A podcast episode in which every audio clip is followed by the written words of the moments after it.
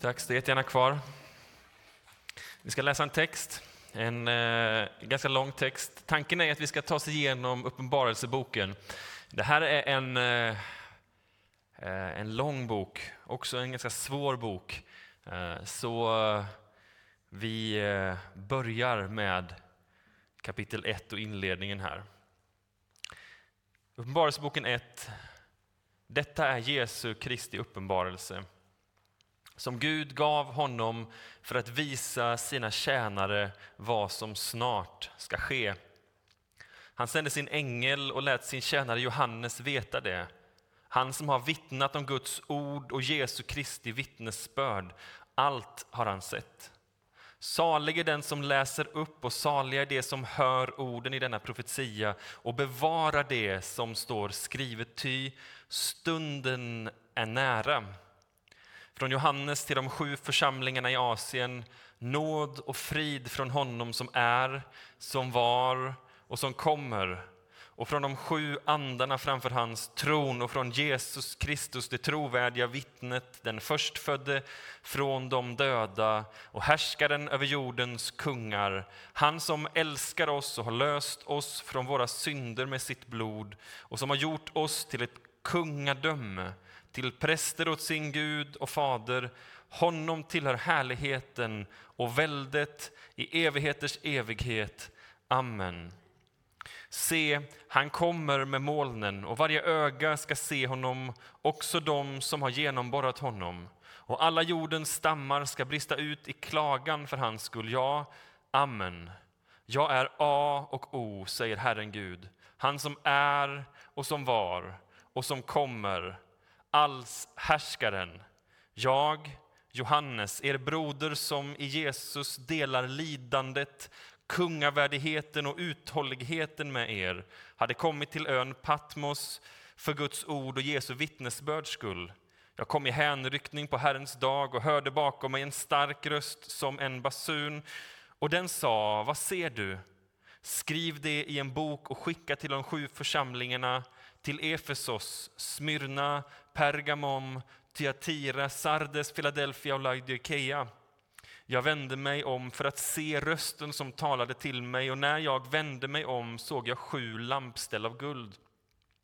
Och mitt bland lampställen såg jag någon som var lik en människoson i fotsid klädnad och med ett bälte om guld om bröstet. Hans huvud och hår var vitt som ull, som snö och, hans, eh, och i fotsid klädnad med ett bälte av guld, precis snö. Och hans ögon var som eldslågor, hans fötter liknade gyllene brolls när det glöder i smältugnen och hans röst var som rösten av stora vattnen. I sin högra hand höll han de sju stjärnorna och ur hans mun kom ett skarpt tveeggat svärd och hans ansikte var som solen när den lyser i all sin kraft. När jag såg honom föll jag som död ner för hans fötter. Och han la sin högra hand på mig och sa, var inte rädd. Jag är den förste och den siste och jag är den som lever. Jag var död och se, jag lever i evigheters evighet och jag har nycklarna till döden och till dödsriket. Skriv nu ner vad du har sett och vad som är och vad som ska ske härefter. Detta är hemligheten med de sju stjärnorna som du har sett i min högra hand och med de sju lampställen av guld. De sju stjärnorna är de sju församlingarnas änglar och de sju lampställen är de sju församlingarna. Herre Jesus Kristus, vi tackar dig för ditt ord och vi ber dig att det idag ska ge oss liv i ditt namn. Amen. Varsågod och sitt.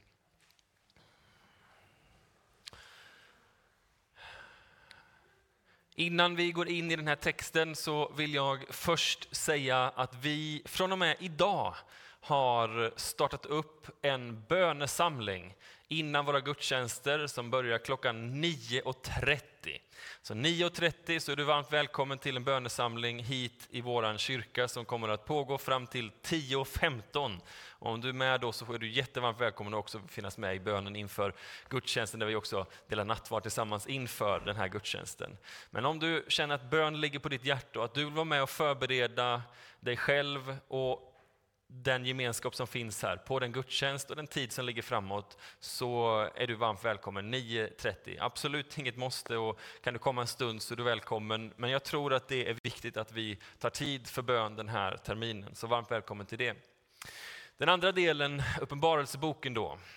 När vi kliver in i den här typen utav bok så är det nästan så att man behöver be om ursäkt för dem som tycker att det här är en märklig bok. De som kanske kommer utifrån och inte är vana att läsa Bibeln och så får man en sån här konstig text presenterad eh, för sig. Samtidigt så är min erfarenhet att många av de som kommer till tro, så är det här den första boken man börjar läsa och man läser den ganska så mycket. Man tycker den är spännande, men sanningen är att den är väldigt svår att förstå.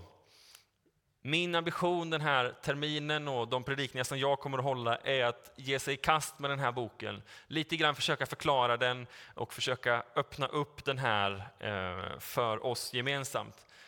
Det är nämligen så att den här boken har mycket att ge in i våran tid, tänker jag. Så välkommen med in i Uppenbarelseboken tillsammans med mig den här terminen. Låt oss först ha lite bakgrundsinformation. Min tanke är inte att det här ska vara ett bibelstudium egentligen, utan att det ska vara en predikan, men bakgrundsinformation behöver vi ha. Vem skrev? Det finns två teorier och båda nämner någon Johannes.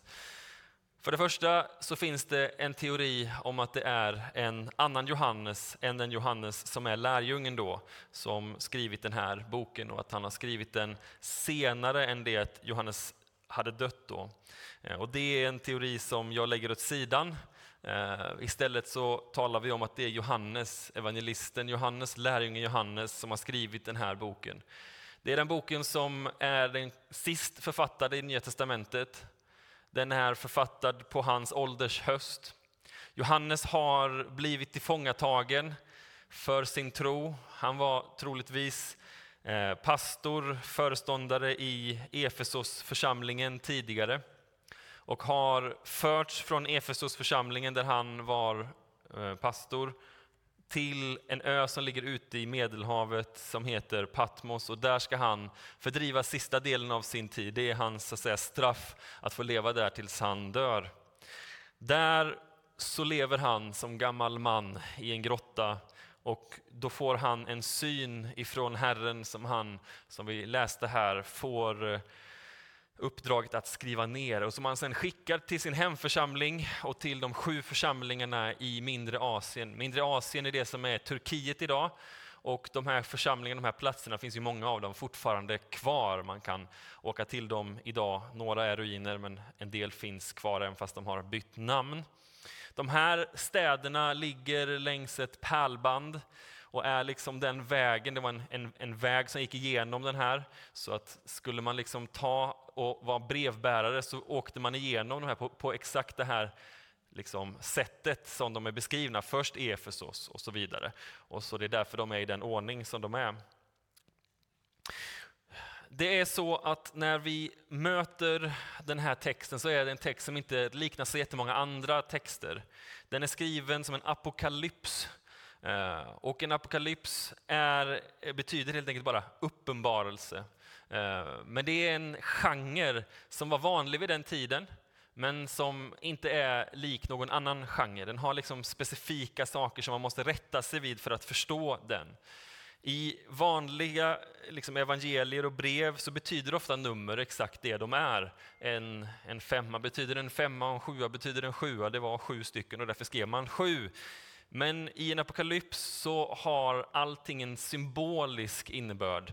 Det är symbolik som liksom präglar texten, så ett tal har nästan alltid inte sin egentliga innebörd utan en symbolisk innebörd. Tio kungar behöver inte alls betyda just tio, utan det betyder fullheten eftersom att tio är fullhet. Sju betyder också fullhet och är därför de här sju församlingarna, ja visst det är sju församlingar, men det är också fullheten av eh, alla församlingar. Därför kan vi ta den här texten till oss.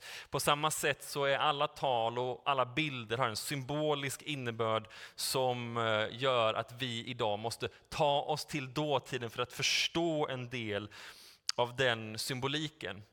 Det är också så att den här, de här symbolikerna är möjliga att framställa i skrift, men nästan omöjliga att framställa i bild. Så. Där så kommer det fram ett lejon som också var ett lamm och lammet såg ut att ha blivit slaktat. Ja, det kan vi skriva, men när vi försöker föreställa oss den bilden eller ge den, den eh, jobbiga uppgiften till konsten att försöka liksom porträttera det här, så blir det en väldigt märklig bild. Metaforerna är mixade, det vill säga Jesus är både ett lejon och ett slaktat lamm, men de två är liksom inte samma bild, även fast det är det här. Så de där metaforerna de mixas och det gör att det är svårt för oss att se det, men vi får en bild av innebörden av det i våran tanke. Det är också så att texten kommer och talar till oss ifrån ett himmelsperspektiv. När vi läser evangelierna så är det evangelisterna som talar från sitt perspektiv. De, läser, de, de skriver utifrån det som de har sett och det som de har hört om Jesus, där de är på jorden. En sån här text talar istället ovanifrån. Det är som att det kommer någon ovanifrån och talar om detta ser jag från ett andligt perspektiv, från ett annat perspektiv. Vissa bilder är liksom som att vi försöker förklara någonting som att det vore en annan dimension. Någon har sagt att det är som att man åkte till en stam i Nya Guinea som aldrig har sett någonting av något modernt och så ska man där försöka förklara vad internet är för någonting. Hur börjar man? Jo, du vet, du tar upp din dator. Nej, dator. Eh, det är en skär, skärm. Det är som en planka där man kan se saker i fram... Ja, planka kanske ni inte heller vet vad det är. Ja, ni förstår.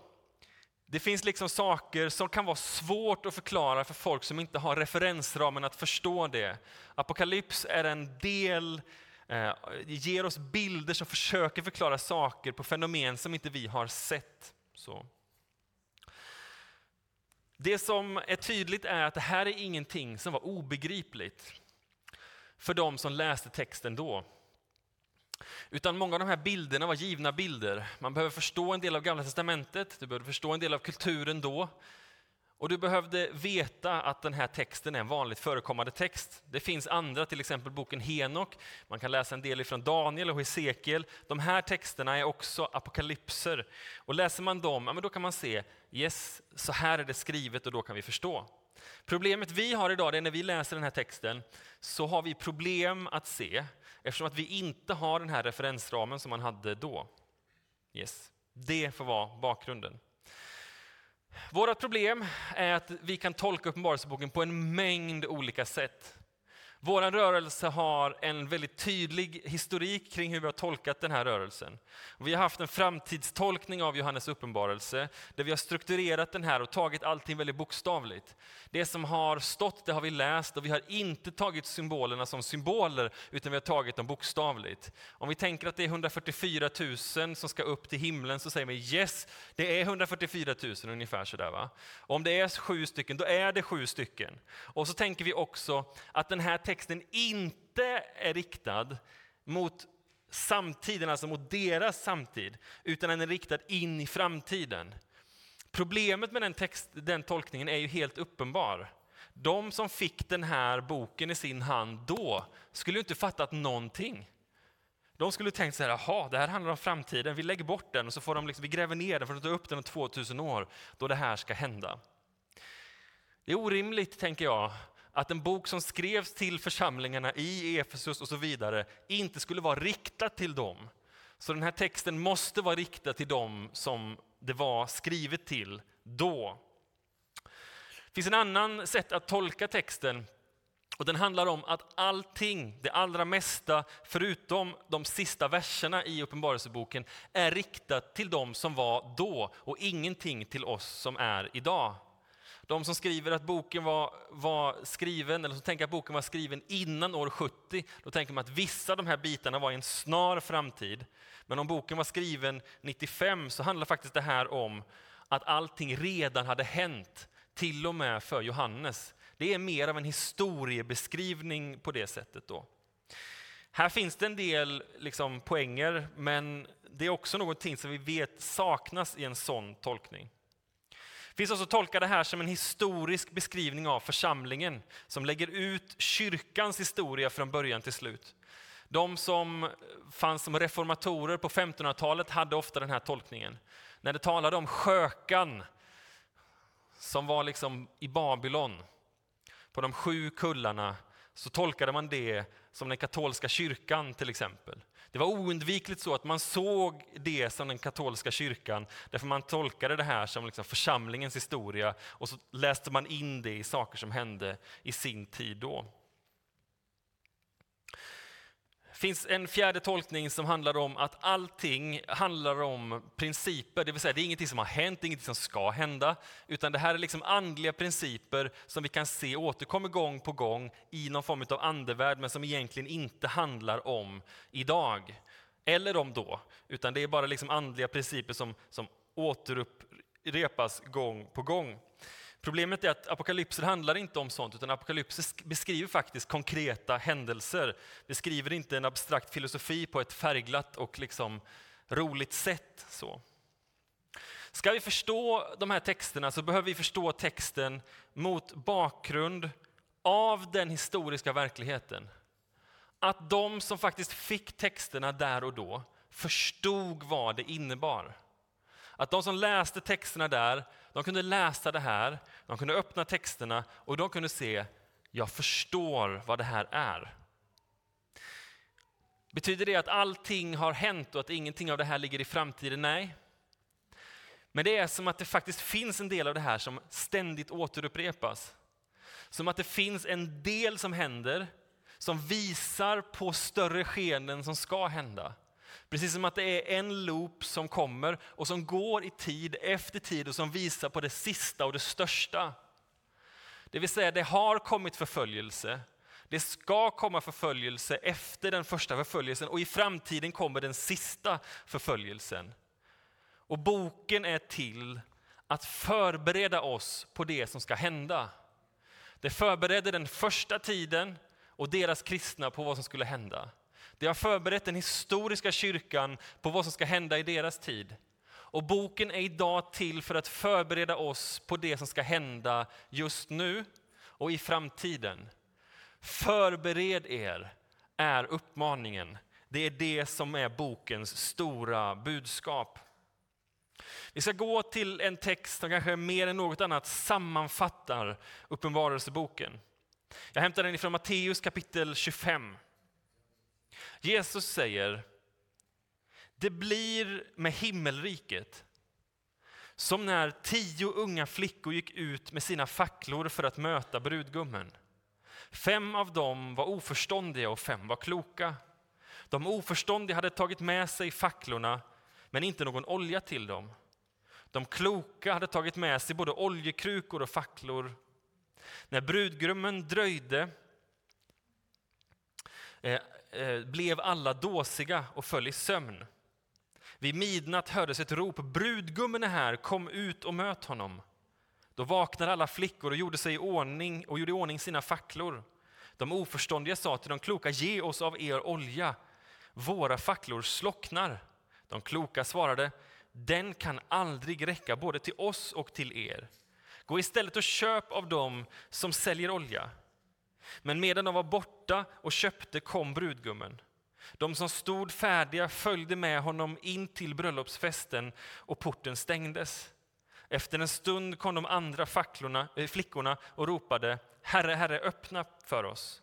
Men han svarade sannerligen, jag känner er inte. Håll er därför vakna.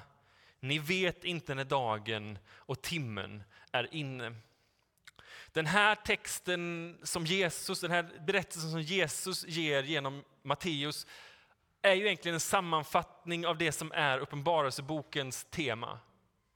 Den säger, ni kommer att vänta på mig. Ni kommer en gång höra att jag kommer snart. Några av er kommer ta det här på allvar och ni kommer ha olja i era krus. Men några av er kommer inte ta det här på allvar.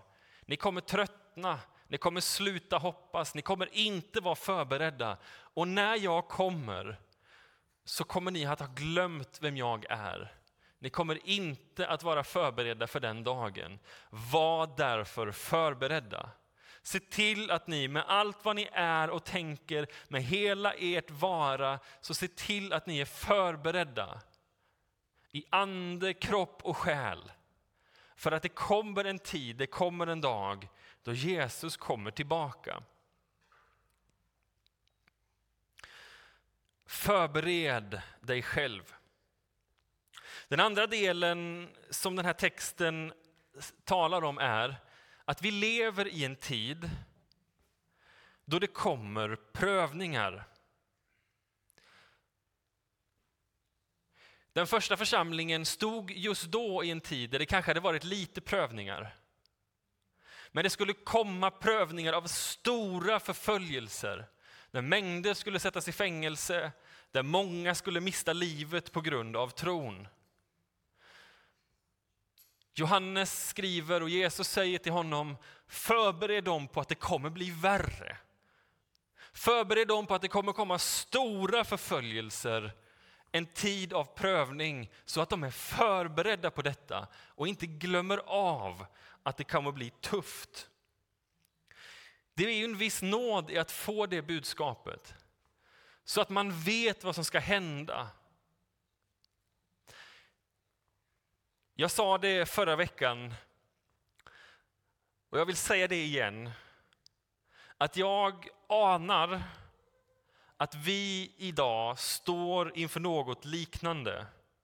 Jag tror inte att vi kommer bli avrättade, jag tror inte att vi kommer ha den typen av förföljelser, men jag tror att samhällsklimatet kommer att hårdna, inte bli lättare. Det kommer bli tuffare för många som vill kalla sig kristna, som vill stå på Guds ord och leva efter det. Vi står i en tid då jag tror att de som vill stå raka i ryggen för sin tro kommer att få det svårt. Det är anledningen till att jag vill gå igenom den här boken, för att i tider av kris har alltid församlingen vänt sig mot den här boken. För att få vägledning, för att få guidning in i det som är tufft. Jag kan inte säga att jag vet detta. Jag kan säga att jag tror att det kommer bli på det viset. Att den tiden som ligger framför så kommer vi säga det har blivit tuffare än vad det var för fem år sedan eller för tio år sedan. Och därför finns det, precis som den här första församlingen hade en anledning att förbereda sig, så har vi också en anledning att tänka till. Vad är det vi tror på? Vad får det kosta för någonting att tro på det här? Lever jag som jag lär? Finns det någonting i mitt liv som jag borde ändra på? Om jag ska vara trogen mot honom i den tid som finns just nu, hur kan jag göra då? En apokalyps skriver allting i svartvitt. Det finns väldigt få gråzoner. Även fast bilderna är färggranna så är det tydligt vad som är rätt och vad som är fel, vad som är svart och vad som är vitt. Det går som en tydlig linje. Uppenbarelsen avkodar och säger det finns någonting av ett odjur i världen. Det ser ut som ett lamm, men det är ett odjur. Du tänker att det är oskyldigt, men det är inte oskyldigt. Den här boken vill hjälpa oss att avkoda de här fenomenen. Vill hjälpa oss att se vad som är rätt, men också vad som är fel. Säger, väljer du odjuret eller väljer du Kristus? De här liksom delar, men kan man inte välja lite av både? Nej, säger Johannes, du kan inte det. Du väljer antingen Kristus eller världen, inte både och. Utan du måste leva för det ena och du måste avsäga dig det andra. Det betyder inte att vi, ska leva, att vi inte kan leva i världen, men vi kan inte leva av världen. Det finns en tid och en uppmaning till att avskilja sig, till att se sig själv i spegeln med andra ögon och fråga vad lever jag för och vad lever jag av? De här uppdelningarna är knivskarpa och tydliga. Väljer du den första döden eller väljer du den andra döden? Det är nämligen konsekvensen av det här valet, säger Jesus.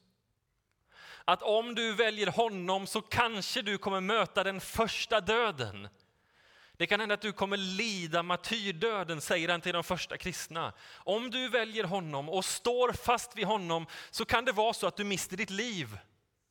Det vill säga, det kommer inte vara som Sadrak, Mesak och Abednego som hade en ängel vid sidan av honom i ugnen och som hjälpte honom genom prövningarna. Nej, du kommer att mista ditt liv. Det är det som man ställs inför här. Men så säger han, om du håller ut så ska du inte dö den andra döden. Det vill säga, du kommer inte dö den döden som finns vid domedagen, utan då kommer Jesus Kristus att resa dig upp och räta på dig och säga, du har klarat av din prövning. Men så säger han, om du viker dig och väljer odjuret och undkommer den första döden, då kommer du att bli dömd till den andra döden vid tidens slut. Välj! Väljer du odjuret eller Kristus? Väljer du den första döden eller den andra döden? Den här polemiken, det här svartvita tänket går igenom allting och är till för att hjälpa oss avkoda. De här tre delarna ser jag. En tid av prövningar. Kliv in i en kompromisslöshet Välj odjuret eller Kristus. Budskapet är helt enkelt, förbered dig själv. Vägen framåt, vilken är det? Den här texten ger tre stycken svar. Vad är vägen framåt för oss? Vad är vägen framåt för församlingen? Och den säger för det första, sätt blicken fäst på framtiden. Därför han Jesus Kristus, han har hela historien i sin hand. Han skriver nåd och frid från honom som är, som var och som kommer. Det står i vers 6, honom tillhör härligheten och väldet. Det står i vers 8, jag är alfa och omega, jag är A och O, säger Herren Gud, han som är, som var och som kommer, allshärskaren. I vers 17 står det, jag är den förste och den siste. Ni ser att det här återkommer fyra, fem gånger i den här texten som vi har läst. Jag är början och jag är slutet. Och vi lever någonstans där i mitten i mitten från början och vi är på väg mot slutet. Det den här texten får oss att tänka är, han har slutet i sin hand. Jag står här i mitten och jag vet inte vad som kommer hända framåt, tänker jag. Men om jag håller mig till Kristus så har han hela tiden i sin hand. Slutet är hans, precis som början är hans. Han som skapade allting kommer också sammanfatta historien. Och jag vet, precis som det står här, att han är kungars kung och herrars herre och han regerar över allting. Och om jag håller mig till honom så kan jag dra slutets konsekvenser till mig idag. Han regerar och han kommer segra. Jag är på den segrande sida. De här församlingarna som han skriver till är små församlingar. Troligtvis inte större än vår församling här idag. Vi tänker att det är tusentals i de här församlingarna, megakyrkor. Inte alls. Små kämpande församlingar som har ett helt romarrike, miljontals människor emot sig. Möter kejsare med all den världsliga makten emot dem. Och så säger de Jesus är Herre. Och då säger de med en starkare ton, Caesar är Herre. Och vi ska visa det med allt vårt järn och stål. Men de säger, vi har framtiden i våran hand.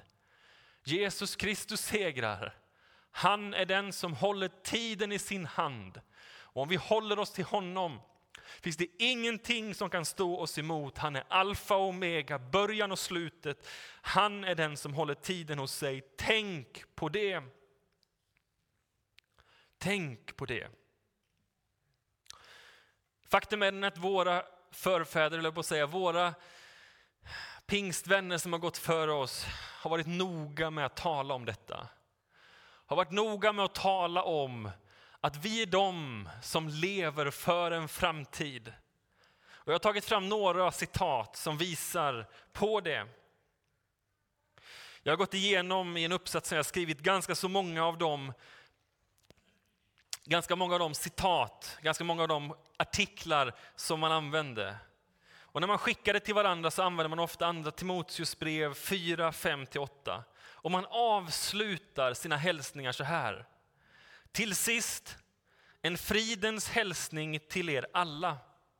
Alla er som älskar vår Herre Jesu Kristi tillkommelse. En fridens hälsning till alla som älskar vår Herre Jesu Kristi tillkommelse. Vi är ett folk som skriver till ett annat folk. En person som skriver till dem som lyssnar och vi är de som älskar Jesu tillkommelse. Du vet, det har funnits en tid då vi har tänkt Jesus kommer när som helst och jag säger inte att det inte har kunnat gå till överdrift. Att människor har kunnat bli rädda, att vi har haft konstiga tolkningar och lakan som målat upp det här på de mest obskyra sätt, absolut. Men idag har den rösten tystnat. Och vi lever som att den framtiden inte fanns. Men vi kommer från ett folk och vi är en del av ett folk som har sagt hälsningar till alla dem som älskar talet, tanken och erfarenheten av Jesu Kristi ankomst. Kan vi säga det till varandra idag? Att vi längtar efter den tiden. Det här var skrivet av en J Holmberg. Nu ska du få lyssna på vad Alfons från Salemförsamlingen i Göteborg skrev 1916. Någon högre ställning än trosställningen finns icke på jorden. Den är den högsta bland människor. Om någon övervinner ska han sitta med Jesus på hans tron i himlen. Låt världen dekorera sina hjältar med vilket hederstecken som helst. En dag skola vi stå hemma inför den stora vita tronen. Vi får ärotecknet, då vi komma hem. Andra kan ge vilka hederstecken som helst. Spelar ingen roll för oss. Alfons säger att vi väntar en ärekrans i himlen. Den är det vi strävar efter. Den andra delen är att det finns ett gudomligt perspektiv. Det finns ett gudomligt perspektiv, sök det. Vi läser i 1 och 11. Jag kom i hänryckning på den dag och hörde bakom mig en stark röst som en basun och den sa Vad ser du? Vad ser du? Skriv det i en bok och skicka till de sju församlingarna. Han rycks upp till Herren. Han är inte längre här, utan han ser saker därifrån. Och helt plötsligt kommer ett nytt perspektiv på saker och ting. Och Det här perspektivet kommer vi att gå igenom de veckorna som ligger framåt. Ett perspektiv som talar om ofta motsatt förhållanden. Han skriver till de små, de kämpande församlingarna i Efesus och i Smyrna. Ni är svaga, men jag säger er, ni är starka. Han säger till församlingen i Efesos, hans egen församling. Ni är starka, för det var en stor församling. Men ni har tappat den första kärleken. Någonting som de själva inte visste om. Någonting som man utifrån inte ser. Men med Guds glasögon, med hans syn, så kan man se saker på ett nytt perspektiv. Att det som såg ut att vara på ett visst sätt absolut inte är det, utan det är tvärtom.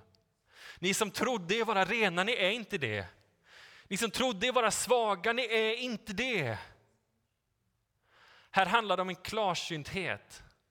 Att lära sig söka Herren och få hans blick för vår tillvaro. Vad är rätt och vad är fel? Ja, ibland så bedrar skenet. Och vi måste gå ner på våra knän och söka honom så att han får tvätta våra ögon rena så att vi ser världen utifrån hans perspektiv. Det är vår utmaning. Vad ser du? Ja, vad ser vi idag? Ser vi utifrån vårt eget perspektiv? Har vi lagt på någon härlig kulturell norm där allting är politiskt korrekt? Eller ser vi världen utifrån Jesu Kristi blick? Har han fått tvätta våra ögon så att vi ser världen utifrån hans hjärtslag, utifrån det som han är? Kan vi tolka så som han tolkar? Den sista delen handlar om att hålla sig nära Guds ord. Att leva, läsa och bo i ordet. Det här ser vi i vers 3. Då står det, salig är den som läser upp. Salig är den som hör orden i denna profetia och som bevarar det som står skrivet i den. Det vill säga, salig är du om du håller dig till Guds ord. Om du mediterar på det och lever det. Precis som det står i psalm 119, att du är en del av Guds ord och Guds ord är en del av dig. Låt Guds ord forma ditt perspektiv. Så att du kan se med Guds ögon. Vår rörelse, inte bara pingströrelsen, utan hela frikyrkorörelsen kommer ifrån en grupp som kallade sig för läsarna. Man läste Bibeln. Man läste den så mycket så att folk kallade dem för läsarna. Man kallar dem inte bara för, för metodister och för baptister och för missionsförbundare, utan man kallar dem gemensamt för där är läsarna. För att de bodde i Guds ord, för att de älskade Guds ord, för att allt de gjorde var att läsa Guds ord. Idag så gör vi väldigt mycket annat. Vi har väldigt mycket medier som är mer spännande kanske, mer lättillgängligt. Det är svårt att ta tid att ta sig in i Guds ord. Det är också så att vi läser Guds ord, inte bara med vårt förnuft, utan vi måste också även där gå ner på våra knän och be Gud uppenbara skriften. Därför är det en process som kräver hela ditt jag för att ta dig in i de här skrifterna. Men faktum är att upplevelsen av Gud finns kopplat inte så mycket till lovsång som det finns till att läsa Bibeln. Även fast lovsång är viktigt så är upplevelsen av Gud mycket tydligare kopplat till det enkla bibelordet. Jag har även här plockat fram några citat som talar om hur man tidigare i våra lägen läste och erfor Gud. Josef Vilund från Bålänge skriver 1916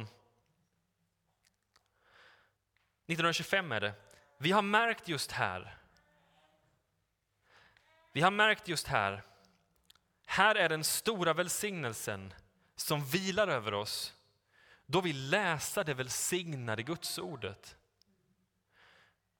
En KV Lindgren skriver, och nu är det 1916, söndagen den 8 oktober vore vi en liten grupp samlade omkring Herrens ord, då hans ande uppfyllde hela huset och gav sig till känna genom olika slags talande, genom olika slags talande med tungor jämte uttydning och genom härlig sång i anden. En själ fick Gud frigöra genom sin kraft. Ära till Jesus. Vi var samlade kring Guds ord. Och när vi var samlade kring Guds ord, då erfor vi vem Gud var. Om vi längtar efter mer av honom. Om vi längtar att få uppleva det som de tidiga kristna upplevde. Då behöver vi ta ordet på allvar, vi behöver leva efter detta.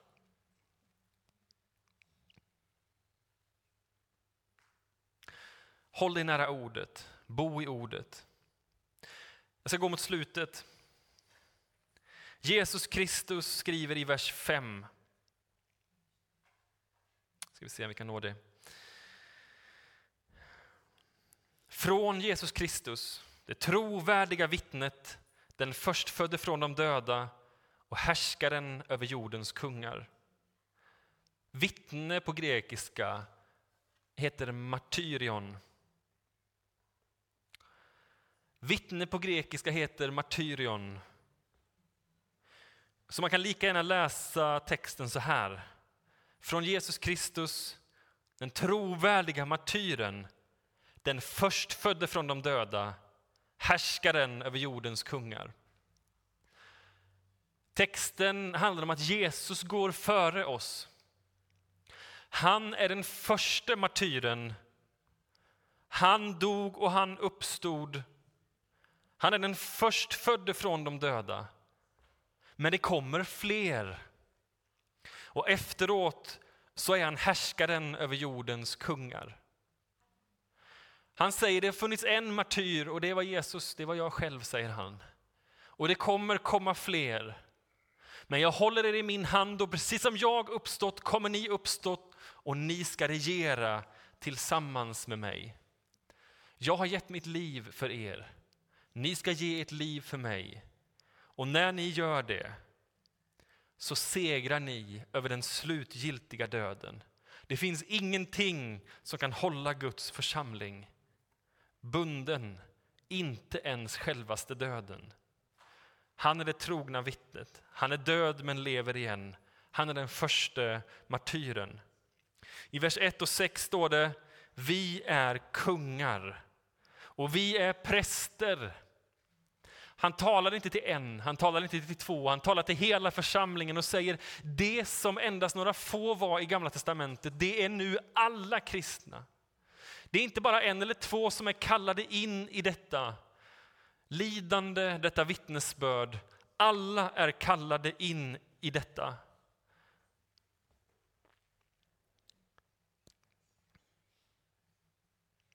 Det sista som står är själva anledningen till varför det här skrivs. I vers 5 står det Han som älskar oss och har löst oss från våra synder med sitt blod.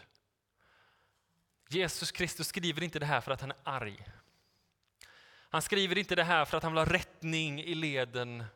Han skriver det här för att han vill varna sin församling för tider som kommer så att de ska hålla ut, omvända sig nu så att det inte är för sent. Varför? Han har gett sitt liv för oss och han älskar oss. Han har köpt oss med sin sons blod och det finns ingenting som han hellre vill än att omfamna och omsluta oss i den tid av prövningar som kommer. Jag längtar efter en tid då vi får möta Gud på ett djupare sätt. En tid då de gudsmöten som vi hört om inte bara är hörsägen, utan då det är någonting som vi får höra om idag. Som vi får vara med om idag. Som vi kanske får ta del av. Om vi ska dit så kommer det att kosta ett pris. Frågan som vi ska ställa oss är, är vi villiga att betala det priset? Mitt sista citat kommer ifrån Philadelphia kyrkan i Stockholm. Alfred Gustafsson som var vice föreståndare tillsammans med Levi Petrus skriver om deras bibelskola. Han skriver, Bibelskolan har nu pågått i tre veckor. Gud har utfört ett underbart verk i själarna. En mäktig bönens ande har gripit hela skolan så att det var omöjligt att ha några lektioner mer än två timmar om dagen. Den andra tiden har de uteslutande använts till bön. Det är en djup längtan hos varje elev att bli beklädd med kraft från höjden. Att sedan bli till välsignelse och frälsning för andra. Denna bönens ande har fallit över skolan, har också gripit församlingen så att våra middagsmöten som hålls varje dag är och mycket besökta och underbara. Vi har också på ett alldeles särskilt sätt erfarit Guds kraft på våra offentliga möten. I det att många själar blivit frälsta och flera döpta i den heliga Ande. Må bönens ande gripa allt Guds folk så att hela vårt land denna höst och vinter må famnas av en mäktig väckelsevåg. Och det om någonting bör väl vara vår bön idag. Må bönens ande gripa allt Guds folk så att hela vårt land denna höst och vinter må famnas av en mäktig väckelsevåg. Låt oss be tillsammans. Herre Jesus Kristus, vi tackar dig för den här märkliga skriften. men som har till syfte att uppväcka ditt folk. Att skaka om oss, att visa att det finns ett svart och det finns ett vitt och säga välj den första döden eller den andra döden, Kristus eller odjuret. Herre, vi ber dig att vi ska bli omskakade och uppvaknade så att vi kan se vad du ser. Att våra ögon ska få bli tvättade så att vi kan få se världen med din syn och med din blick. Herre, kom till oss. Låt oss bli en del av din vision för världen. Låt oss se världen från ditt perspektiv. Veta att du håller både nutiden men även framtiden och slutet i din hand. Herre Jesus, att vi får kliva in i ditt ord, omslutas av det och uppleva dig utifrån ditt ord. Herre, kom en ny tid till din församling. Vi ber dig inte om förföljelse, men vi ber dig att vi ska få vara stadiga så att vi klarar allt motstånd. Herre, vi ber dig om en tid då vi får mötas i bön, då vi får mötas av en längtan efter mer av dig. Och Herre, vi ber dig att detta inte bara ska gälla vår församling, utan hela Upplands Väsby, hela Stockholmsregionen och allt ditt folk. Herre, kom på ett sätt som vi sällan eller aldrig har fått skåda. I ditt namn. Amen.